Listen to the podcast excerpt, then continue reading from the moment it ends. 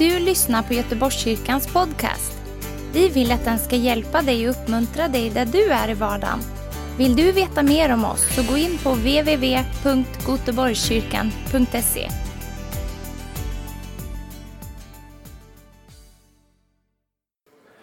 En så glädje att få börja också med ett eh, nytt tema. Och temat är ju bönens möjligheter. Tyvärr är det ju så att en del tänker på bön och, och så är det krav och så är det bön, så är det bön också.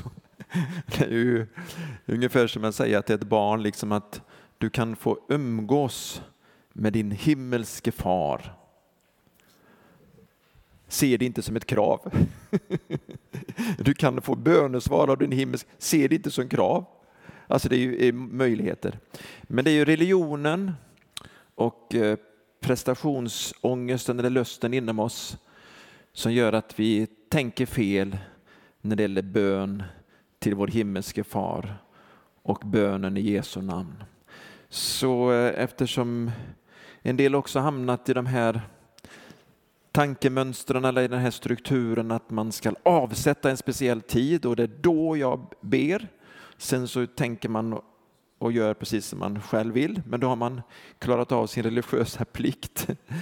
Eh, och eh, sån inrutad tid skulle inte jag vilja ha med de som jag älskar mest. Och sen är man bara då, sen så finns man inte mer tillgänglig. Jag tror på bön 24-7. Jag tror att eh, den heliga Ande är inom oss hela tiden. Vi kan umgås med Gud på det sättet. Jag tror att vår himmelske far alltid är på tronen. Jesus, han är alltid där. Eh, och vi är i Kristus, vi är i honom. Så vi ber inte nerifrån och upp, utan vi ber uppifrån och ner, för vi är införsatta i Kristus. Det är en fantastisk trygghet och med den utgångspunkten eh, utifrån det nya förbundets tänk och sanning så talar jag om bön och önskar bara att du ska ta till dig det här fantastiska budskapet. Fader vår, eh, bra som modell, men inte som mömmel. Och eh, mömmel är ju när man bara rabblar någonting eller den som hör, hör inte orden utan det är ett rabblande och så. Och det är ju tyvärr rabblandet av bönen Fader vår som har gjort att en del inte ber enligt den bönen. För religionen kan ta ödden av någonting. Rabblandet av böner eh, säger Jesus bestämt att det är bara hyckleri. Det är inget värt. Eh, och det gäller också att ta mycket tid eller göra det för att människor ska höra. Det är inget värt. Du har fått ut din kreds från människor. Eh, men att göra det inför Gud inför sin himmelske fader är alltid värdefullt. Så, är ni redo för Fader vår? Och få struktur, att komma igång, att komma i mål med att be. Så säg Amen. Amen. Säg Herre, jag vill lära mig att be. Och du har gett mig helig ande som lär mig så bra. Och du har gett mig ett exempel Jesus Hjälp mig att förstå det på rätt sätt. Och inte rabbla tomma ord. Inte komma in i religiösa förpliktelser. Utan ha underbar gemenskap. Och göra tjänst genom bön, tacksägelse för ditt namns skull Jesus. Helig ande uppenbarar det här för oss och kan uppenbara det för dig också som är med och kollar digitalt på något sätt. Jag har ju utlovat åtta punkter på engelska. Nu tänker ni att eh, varför tar jag dem inte på svenska? Det var för att jag inte lyckats få dem på samma bokstav. Så enkelt var det. Så jag tänker att det ska vara eh, en P-predikan, men det innebär inte att vi liksom parkerar och stannar här. Men just nu så stannar vi och lyssnar här. Eh, och eh, en del har, har lyckats få Många rätt kan man inte säga, för det är ju inte rätt för att jag har tänkt de tankarna, utan många liknande tankar som jag när det gäller strukturen på den här eh, bönen. Så vi kan väl avslöja. Nummer ett, Fader vår som är i himlen. Då tänkte jag att det skulle bli presence. Och varför det? Jo, därför att det, ju, det, måste ju börja med närvaro. Och om man inte tror att man kan eh, samtala med en närvarande Gud, utan han är långt borta någonstans. Kanske jag har tur idag, kanske jag har varit duktig idag så att han hör mig. Utan man förstår, Gud är alltid närvarande. Men det finns en sån hemlighet. Och det är, det är namnet Jesus. För det är ju det som Jesus säger lite senare innan han eh, ger sitt liv för oss, att ni kan be till Fadern i mitt namn. Det är därför att det är namnet Jesus som det uppenbaras, som närvaron kommer in. Och ni vet, var två eller tre kommer överens om att be om i mitt namn. Så det är inte överenskommelsen som är det starkaste, utan det är namnet Jesus. Så ska vi säga det, namnet Ja. Så därför så är det ingen formel, utan det är Guds uppenbarade namn. Allt det som Herren visar att han är, så som han har förklarat Fadern för oss. Och för om du ännu mer ska uppbygga dig själv så kan du tänka på alla dessa förbundsnamn. Herren är min frid, Herren är min närvaro, Herren är min läkare och så vidare. Och så kan du lägga till dem också med en annan predikan. Men närvaron är så viktig, men inte bara närvaron av Gud, utan närvaron av en person till. Och det är inte pastorn, utan det är du själv. För ibland är vi så frånvarande i våra böner. Ni vet, man kommer bort själv, man är inte med. Man är inte på plats själv. Man kan sitta här, liksom som vi säger i, i, i kyrka, och liksom tänka på annat och så kan man vara någon annanstans och tänka på Gud, eller hur? Men tänk att närvaron av dig själv också, du är bara medveten, nu är jag inför Gud. Och på så vis missbrukar man inte bönerna och Guds namn för man förstår att man också är med. Tänk på Gud när du ber. Det absolut mest löjliga påståendet tänkte jag en gång när jag läste den här boken för 37 år sedan. Lektion 1, tänk på Gud när du ber. Och så tänker jag, det är ju väldigt bra egentligen. Och inte bara tänk på Gud som domaren, skaparen. Tänk på Gud som din himmelske far. Så när jag bara säger de här så får du en bild utav kanske din egen pappa och då kanske du tänker, då går det ju inte. Men Jesus har förklarat hur Fadern för oss.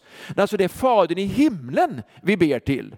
Så ha inte felaktiga associationer för vi pappor, vi räcker inte till som en måttstock eller som en perfekt illustration. Det är Jesus som har förklarat Fadern för oss. Så jag säger, tänk på Jesus när du ber. Men du, du kan också, eller Jesus säger det, be till Fadern och gör det tillsammans med den helige Ande. Men be i Jesu namn. Att be i Jesu namn innebär också att man förstår att det är genom Jesu blod man får kontakt och närvaro. Det är genom hans död, försoningen för våra synder, så kan vi komma riktigt nära varje dag, alla stunder 24-7. Halleluja! Det är så fantastiskt. Men det är också en annan predikan. Så jag går vidare till nästa P som är helgat var ditt namn och då blir det praise. Ska vi säga praise? Praise betyder faktiskt att berömma, att lovprisa. Men det kan också vara att sätta melodi till det och då blir det lovsång. Gå in i hans närvaro med tacksägelse och lov. Psalm 104. Gå in i hans portar med tacksägelse, i hans gårdar med lov. Tacka honom, lova hans namn. Så det här är bra mönsterbön, det här är en bra modell. Vi prisar Gud, vi ger honom beröm. Är det någonting du vill ge Gud beröm för? Är det svårt? Vad vill du berömma Gud för idag? Han är stor, han är mäktig, han är god, han är bäst, han är vackrast. Kom igen! Var det slut där? Jag hör inte. Trofast ja, vi kör på. Nådig, mer. Vi berömmer Gud för att han är Han är kärleken. Han gav sitt liv för oss. Han är, han är helig. Bra, halleluja. Den fick vi med den också. Nu tror jag att vi ska gå vidare. Och så ser vi nästa här och då får vi en liten bild på en krona. Och då är punkt tre power. Oj, oj, oj, oj, oj, oj. För att tillkommer ditt rike. Vi har fått himmelrikets nycklar för att stänga och för att öppna upp. Matteus 16 och 9. Och vi förstår inte nog vilken auktoritet vi har förrän vi får nycklarna. Och vi förstår att det vi påverkar med våra böner, vi kan också stänga till för ondskan. Och vi öppnar upp för Guds kraft genom våra förböner. Därför att den helige ande verkar som svar på våra böner. Änglarna kommer i aktion som svar på våra böner. Men du tänker, varför ser jag ingenting? Det är inte alltid det manifesteras direkt. Ordet här tillkommer ditt rike. Har ni hört mig en del säga många gånger eh, och kommer att fortsätta att säga det. Därför att i svenska språket har det ju moderniserat så mycket så nu för tiden översätter man det här med låt ditt rike komma. Men då kan det missuppfattas om man inte riktigt förstår, om man inte har rätt eh, bild. Egentligen är ju det här tredje person och imperativ tillkommer ditt rike. Alltså, när det är i tredje person så är det liksom inte så där befallande som det är i andra personer, utan det är ju stå upp, eh, gör det, eller kom, det är inte på det sättet. Utan det är tredje person singularis som vi säger tillkommer ditt rike. Också helgat var det ditt namn. Det är liksom samma form. Hur kan vi vara med och bjuda det? Vi har fått den auktoriteten. Om vi säger låt ditt rike komma så kan det bli ett syftningsfel. Det är ungefär som att Gud skulle liksom hålla tillbaka sitt rike. Men vi som är ju goda och bra, vi liksom Gud, låt ditt rike komma. Alltså det blir ju fel. Gud är ju god. Gud är ju kung. Det är ju hans rike och rike, grekiska basileia, det betyder herravälde. Konungsligt herravälde, herravälde. Så när vi ber tillkommer ditt rike, så ber vi fram, så ber vi ner här på jorden. Kungens vilja, kungens rike. Och det riket det består av rättfärdighet, frid och glädje i den helige ande.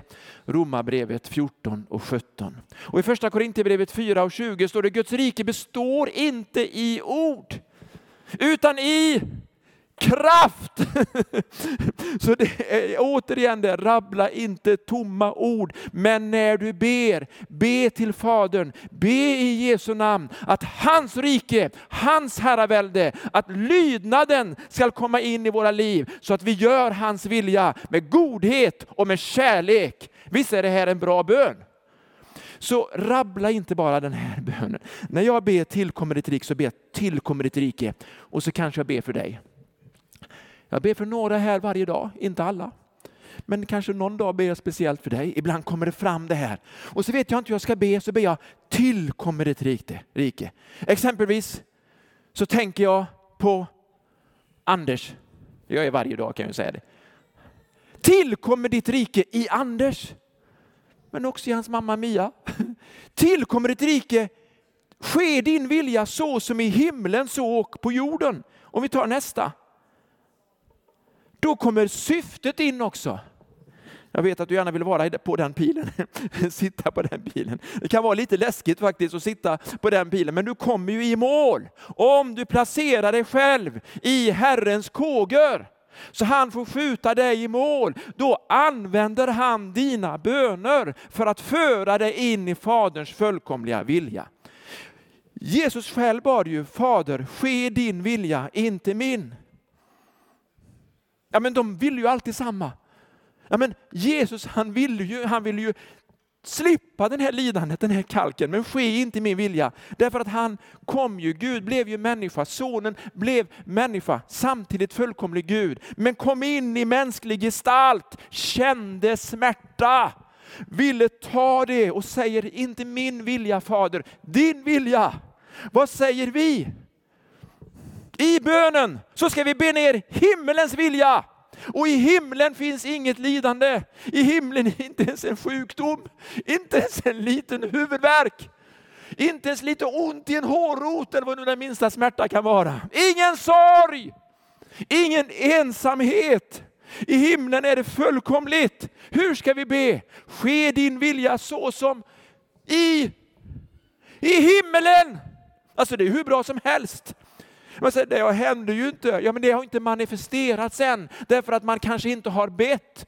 Men tänk om många fler ber. Gör det en skillnad? Det gör en jättestor skillnad när församlingen reser sig upp och förstår uppdraget, auktoriteten, meningen med bönen. Då är det inte så att bönemötet är det lilla mötet, det är det stora mötet.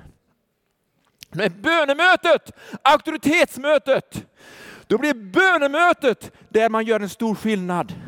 Finns det andra härliga möten också, men undervisning och härlig sång och musik och allt det där. Men bönemötet blir det förändrade mötet. Förstår ni att vi kanske inte har fattat poängen med att vara med och utföra hans vilja så som i himlen, så och på. Så och i mitt liv. Så och i ditt liv. Så och i församlingen. Så och i Göteborg. Så och i göteborgarna. Så och i Iran. Afghanistan. Så och i Ryssland, Nej, med hjälp, ja. Så och i Ukraina. Så och i våra liv. Men vi ska vara där och be och göra en skillnad. Den första församlingen gjorde det och de höll på i flera hundra år. De gjorde en skillnad, förändrade städer, byar, människor. Det börjar med bön, men den ska vara mer frimodig. Är du med mig? Ja, men får man inte be låt ditt rike komma? Får jag inte be, får jag inte citera låt din vilja ske? Jo, det får du, om du bara förstår vad det innebär. Men någon annan kan ju bli förvirrad av din bön. Och Gud vill ju att du ska ta nycklarna, använda bönen och bara be fram. Tillkommer ditt rike. Ske din vilja så som i himlen, så och på jorden. Uh. Går jag på för mycket? Lite inspirerande är det va? Och lite provocerande också kanske för dig. Jag får alltid reaktioner när jag tar upp det här med Guds rike. Men Jesus han sa ju Guds rike är inom dig. Och det manifesteras när vi gör hans vilja. Det manifesteras genom helig ande inom oss. Men om vi inte förstår auktoriteten så blir vi för passiva. Men när vi förstår att vi har nycklarna och auktoriteten, då händer det. Innan Jesus säger gå ut och gör alla folk till lärjungar, så säger han någonting som betyder mycket som vi sällan citerar. Vad säger han? Åt mig har getts all makt i himmelen och på jorden. Gå därför ut och gör alla folkslag till lärjungar. Kanske vi tänker vi orkar inte göra inte ens en enda till lärjunge, för vi har, jag har ju inte så mycket kraft. Nej Men det finns ju i Jesus. Det kanske är mera Jesus, mer heligande, mer uppenbarelse, mer förståelse. Han är i mig, jag är i honom, halleluja. Och så kan jag vara med och göra en skillnad på en ensekundsbön, fem sekunders bön som beds i tro till Fadern.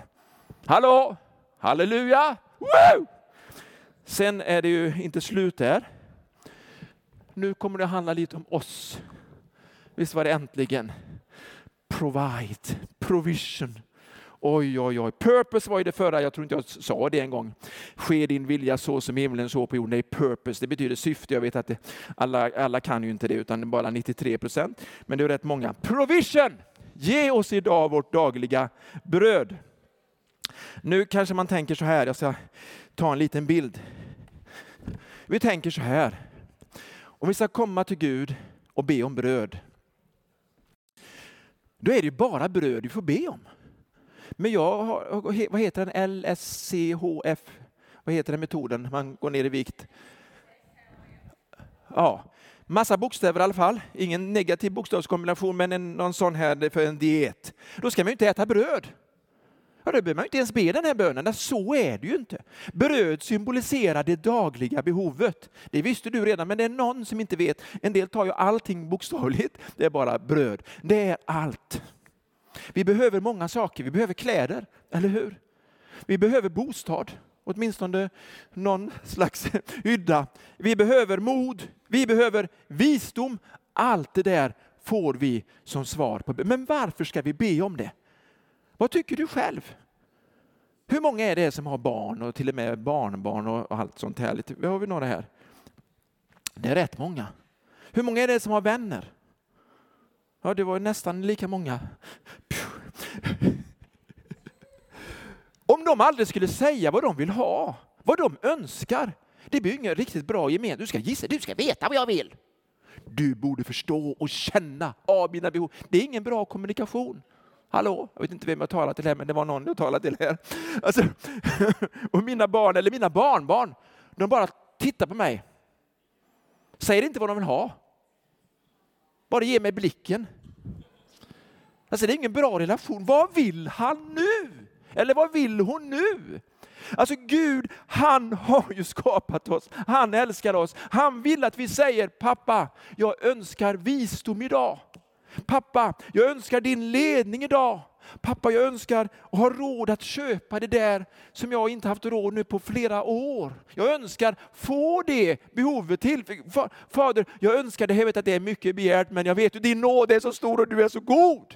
Alltså vet ni vad mitt, alla tre barnbarnen förresten, men jag tänker på en av dem speciellt. När han ser mig och jag liksom tar fram någonting på köksbordet, då ropar han med all kraft, Macka!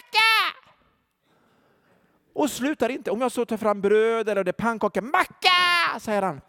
Och han befaller. Det är inte, snälla morfar, jag ska vara jättesnäll, jag ska lyda dig resten av mitt liv, men ge mig en brödskarv!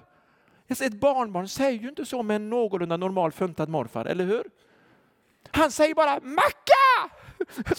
Det, det är inte så här, snälla Gud, idag har jag haft en riktigt bra, jag har varit skapligt lydig, skulle jag kunna få en liten brödbit och säga, ge oss idag vårt dagliga bröd. Pappa Gud, ge mig idag. Ge mig idag. Du får be så. Ge mig. Det handlar ju inte om att du bara är självisk, det handlar om att du är normal. Du har behov, men du har ju inte börjat din bön så. Du var ju helt upptagen med lovprisning och du kanske har tackat Gud för allt som du har fått. Och du kanske till och med glömt bort dina egna behov och bara sagt amen för länge sedan. Men det händer ju ibland. Jag hade en sån moment i torsdags. Det var tufft för mig. Men jag hade bara bestämt att jag ska göra det här ändå. Jag ska bara göra det här ändå. Och så väldigt sent på kvällen, halv elva, så bara är det någon som frågar, kan jag få ringa dig? Och så tänkte jag, ja, ytterligare någon som ska ha hjälp eller samtal får jag aldrig gå och lägga mig. Och så bara så, så, så äh, ring, äh, ringer vi och så är det ett profetiskt budskap. Det betyder så mycket. Så tacksam. Och jag bara sa tack gode Gud för att jag tog emot. Men jag mindes också bönen jag bad. Gud, jag behöver en uppmuntran, tro på det området. Jag säger det kunskapens ord som träffade rätt. Gud ger oss kraft och mod. Han ger oss ett ord i rätt tid. Vi kan be honom, ge oss, ge oss. Men börja att be, prisa honom, be för andra först. Jag tror vi går vidare. Och så får vi nästa P. Och det var lite svårt att kunna, för det är ju lite gammal engelska. Pardon. pardon. Och pardon, jag slog upp det, betyder att man tar emot förlåtelse, men man ger också förlåtelse vidare. Precis som förlåtelse handlar om att ta emot och ge vidare. Det är inte bara en väg. Och ordet här, skuld. Det finns ju olika ord för skuld i Bibeln. Men på två ställen så handlar skuld om en skuld som är så stor att du inte kan betala tillbaka den. Alltså den är på 14 550 kronor. Nej, den är ännu mer. Den är på så många årslöner så det är omöjligt. Ordet för skuld här och på ett ställe till så är det omöjligt att betala den skulden. Det är en konkursskuld. Är du med på skillnaden? Förlåt oss vår konkursskuld. Förlåt oss den här övermäktiga skulden. Om vi inte får förlåtelse så går vi under. Det är en sån bön. Hör du? Underbart, eller hur? Det är liksom hela frälsningen. Jesus han kommer och så tar han ut hela ditt skuldkonto i frälsningen. Och du får säga wow, tack att du har förlåtit mig. Då tänker någon, hur ska man be en sån här bön i nya förbundet? Vi har redan fått allt förlåtet. Eller hur? Ja, men det är en daglig påminnelse. Jag har fått förlåtelse. Men jag ger också förlåtelse vidare till andra. Annars så kommer jag inte att få den förlåtelsen, för det är ömsesidigt. Så vad har du för val? Att vara lika generös som Gud har varit mot dig, så ska du vara det mot andra. Det här befriar dig och bevarar ditt hjärta och du kan be om vad du vill. Halleluja. Då har vi nästa P, som är vad då? Det är P som i protection. Vi behöver ju också ett beskydd. Du hinner läsa det lite så går jag upp. En av de bönerna som jag hade svårast för att be var just det här. Inled oss inte i frestelse. Hur ska jag kunna säga till Gud, inled inte mig i frestelse. Gud inleder väl ingen i frestelse? Tycker ni inte att det är lite konstigt? Ja. Någon förstå sig på det skrev, ja men det, det, är ingen riktig bön som Jesus bad, det är ingen nytestamentlig bön för att eh, Gud, han, han, han leder oss inte i, i frestelse.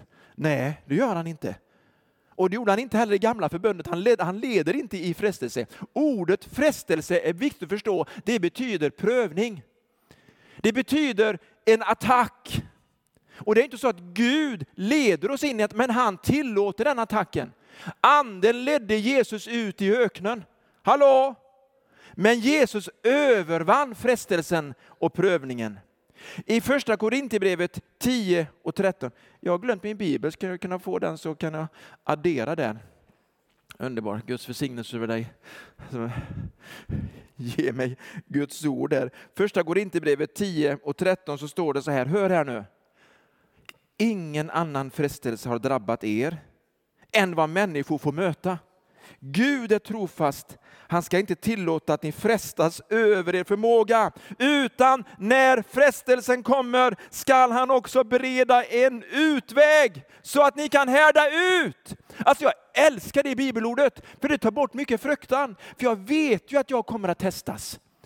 Petrus han blev ju testad. Satan begärde att få testa Petrus, men Jesus bad för honom att han, när han omvände sig, skulle kunna komma tillbaka och styrka sina bröder. Alltså, ondska finns. Attacker kommer, frestelser kommer, men de kommer inte från Gud. De kommer ifrån vår kötsliga natur. De kommer ifrån den onde. Men vi kan be, utsätt oss inte för prövning över min förmåga. Låt mig inte få en attack som jag inte klarar av. Det lär oss att vara ödmjuka i den andliga striden.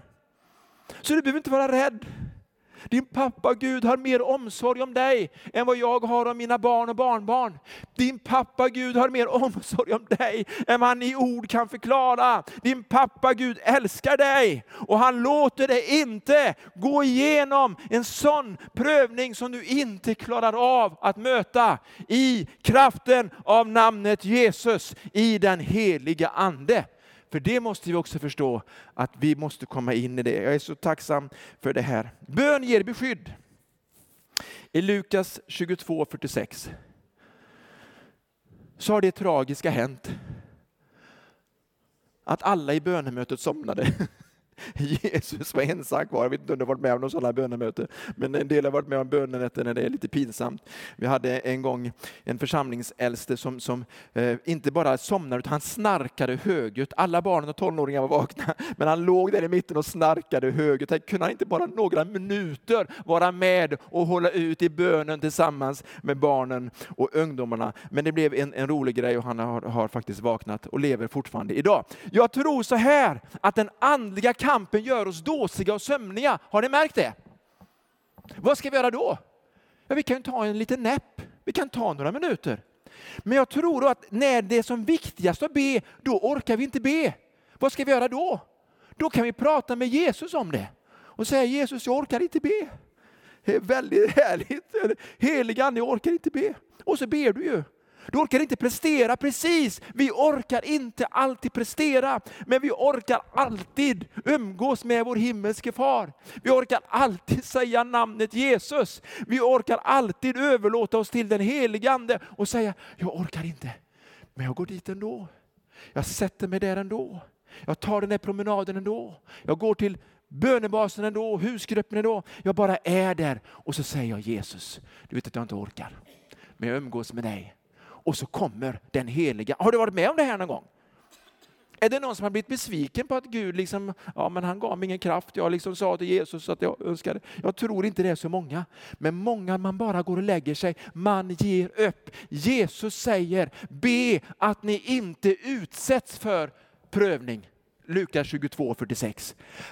Vaka och be. Det kommer en andekamp. Det kommer tuffa tider i våra liv. Men om vi har preparerat oss, då har vi varit med och byggt upp ett beskydd genom våra böner för oss själva, för våra familjer, för vår församling, för vår stad Göteborg, för vår nation. Så varför inte att vi reser på oss, jag menar inte just nu, men vi reser på oss i anden och tar tag i den här fantastiska möjligheten att be om beskydd.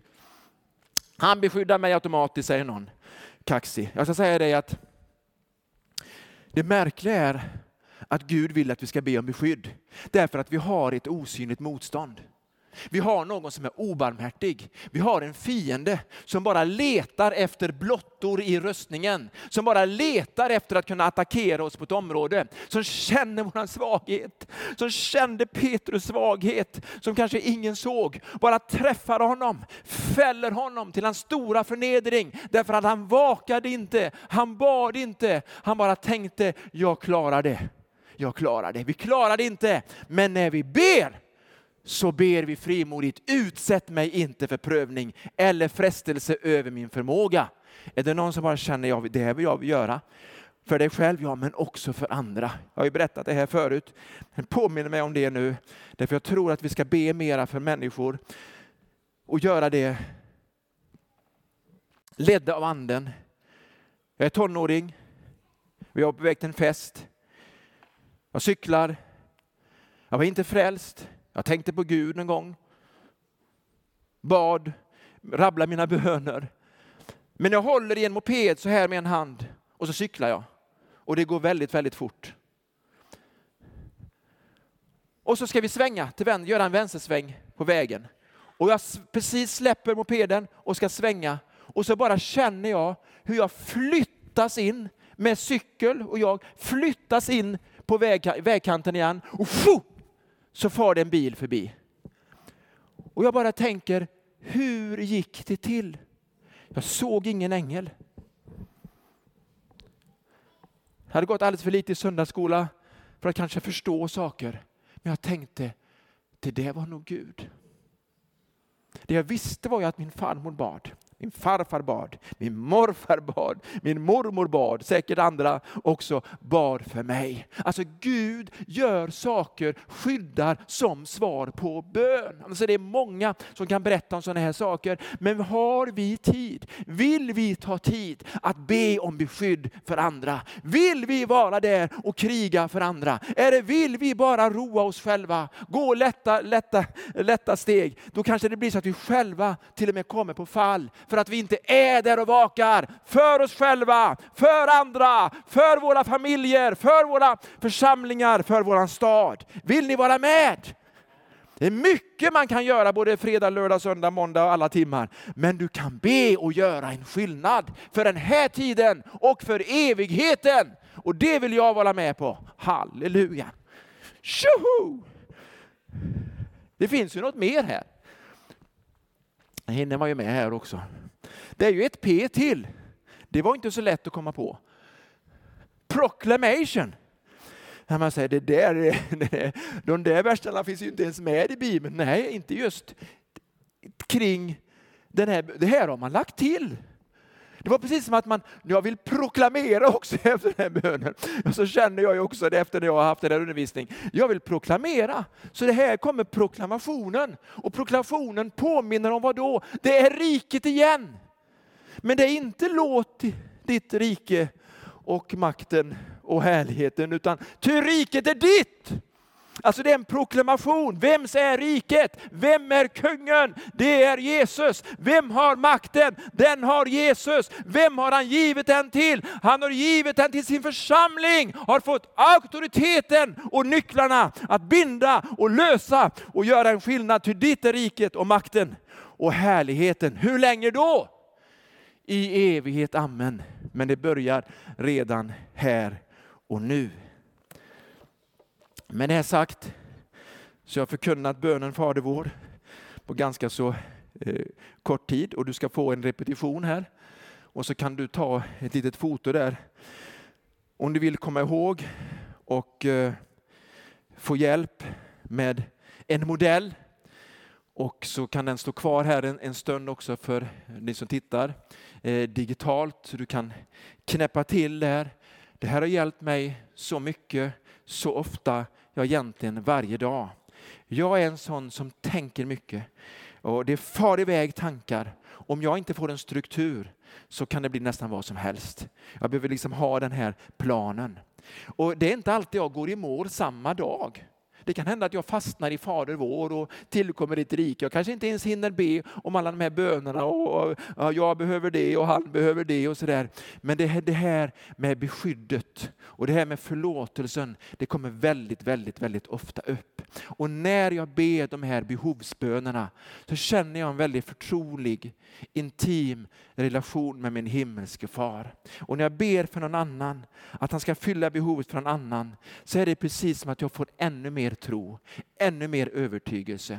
För om man älskar sina barn, älskar sina barnbarn, älskar människorna i församlingen, älskar människorna runt omkring, älskar de som ännu inte är frälsta så mycket att man ber för dem varje dag att Guds rike ska manifesteras. Alltså hans herravälde och lydnad ska komma in i deras liv. Att Jesus ska bli ledaren. Då händer det någonting, inte bara med oss själva, och, utan även med de som är i, utsatta för våra böner. Ska vi stå upp här nu? Halleluja! Och så ska vi få fortsätta eh, och, och prisa Gud med, med lovsång, med tacksägelse.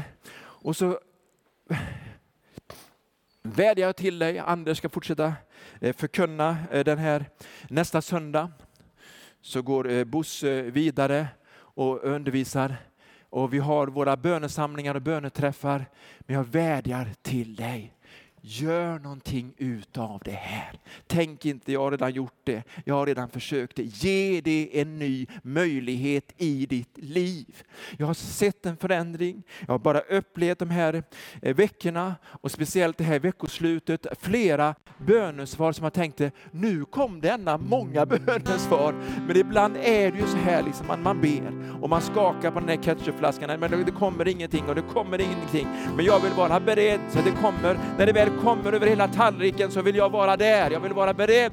Eller som det står i Uppenbarelseboken om böneskålarna, när det väl vänds så vill jag vara beredd. Men jag vill också vara uthållig, jag vill också hålla på. Därför att det finns en osynlig fiende. Det är inte Gud som hindrar bönesvaren. Det är inte han som håller tillbaka. Det finns en osynlig fiende. Vi har den här undervisningen i Daniels bok, den tar vi inte nu. Men du kan kolla in den och förstå att samtidigt, samma stund som vi ber våran bön, så går änglar ut som bud från Gud, budbärare från Gud. Men det dröjer innan det manifesteras. Så är det också när vi ber. Tillkommer ditt rike ske din vilja i ditt liv så händer det någonting. Men manifestationen kan dröja. Be ändå och förvänta dig bönesvar. Fortsätt, håll ut tills det här kriget är slut och segern blir manifesterad i ditt liv. Halleluja, kan jag få ett amen? Halleluja. Tack Jesus. Tack Jesus. Halleluja. Tack för att du har lyssnat. Dela gärna podden med dina vänner och glöm inte prenumerera. Om du har frågor eller vill att vi ska be för något så mejla oss på info På söndagar har vi veckans höjdpunkt. Då firar vi gudstjänst tillsammans och det vore så kul att träffa dig där. Men vi har även samlingar för barn då? Gå in på vår hemsida goteborgkyrkan.se så får du veta mer. Välkommen till oss!